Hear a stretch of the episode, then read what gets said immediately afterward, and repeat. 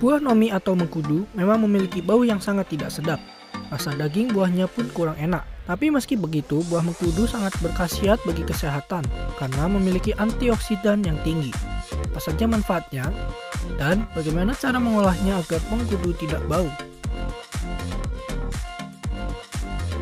Buah mengkudu merupakan sumber dari molekul antiinflamasi yang memiliki sifat analgesik dan kaya akan antioksidan, asam lemak esensial, vitamin A, protein, kalsium, zat besi, gliserol, asam butirat, dan nutrisi lainnya.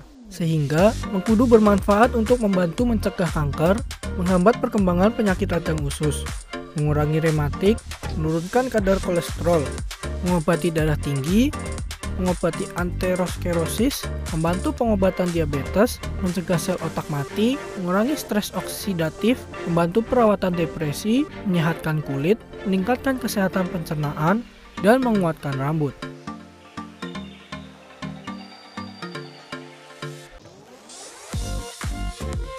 Meskipun memiliki banyak manfaat, tetapi karena memiliki bau dan rasa yang tidak enak, banyak orang yang enggan mengonsumsi mengkudu.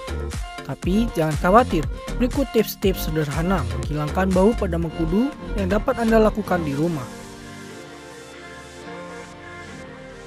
Cara pertama, campurkan secara rata gula merah atau madu ke dalam larutan jus mengkudu yang ditempatkan di dalam botol atau gelas. Dan simpanlah sekitar 2-4 hari sehingga terjadi proses fermentasi Selama fermentasi, komponen asam penghasil bau akan terurai sehingga baunya hilang.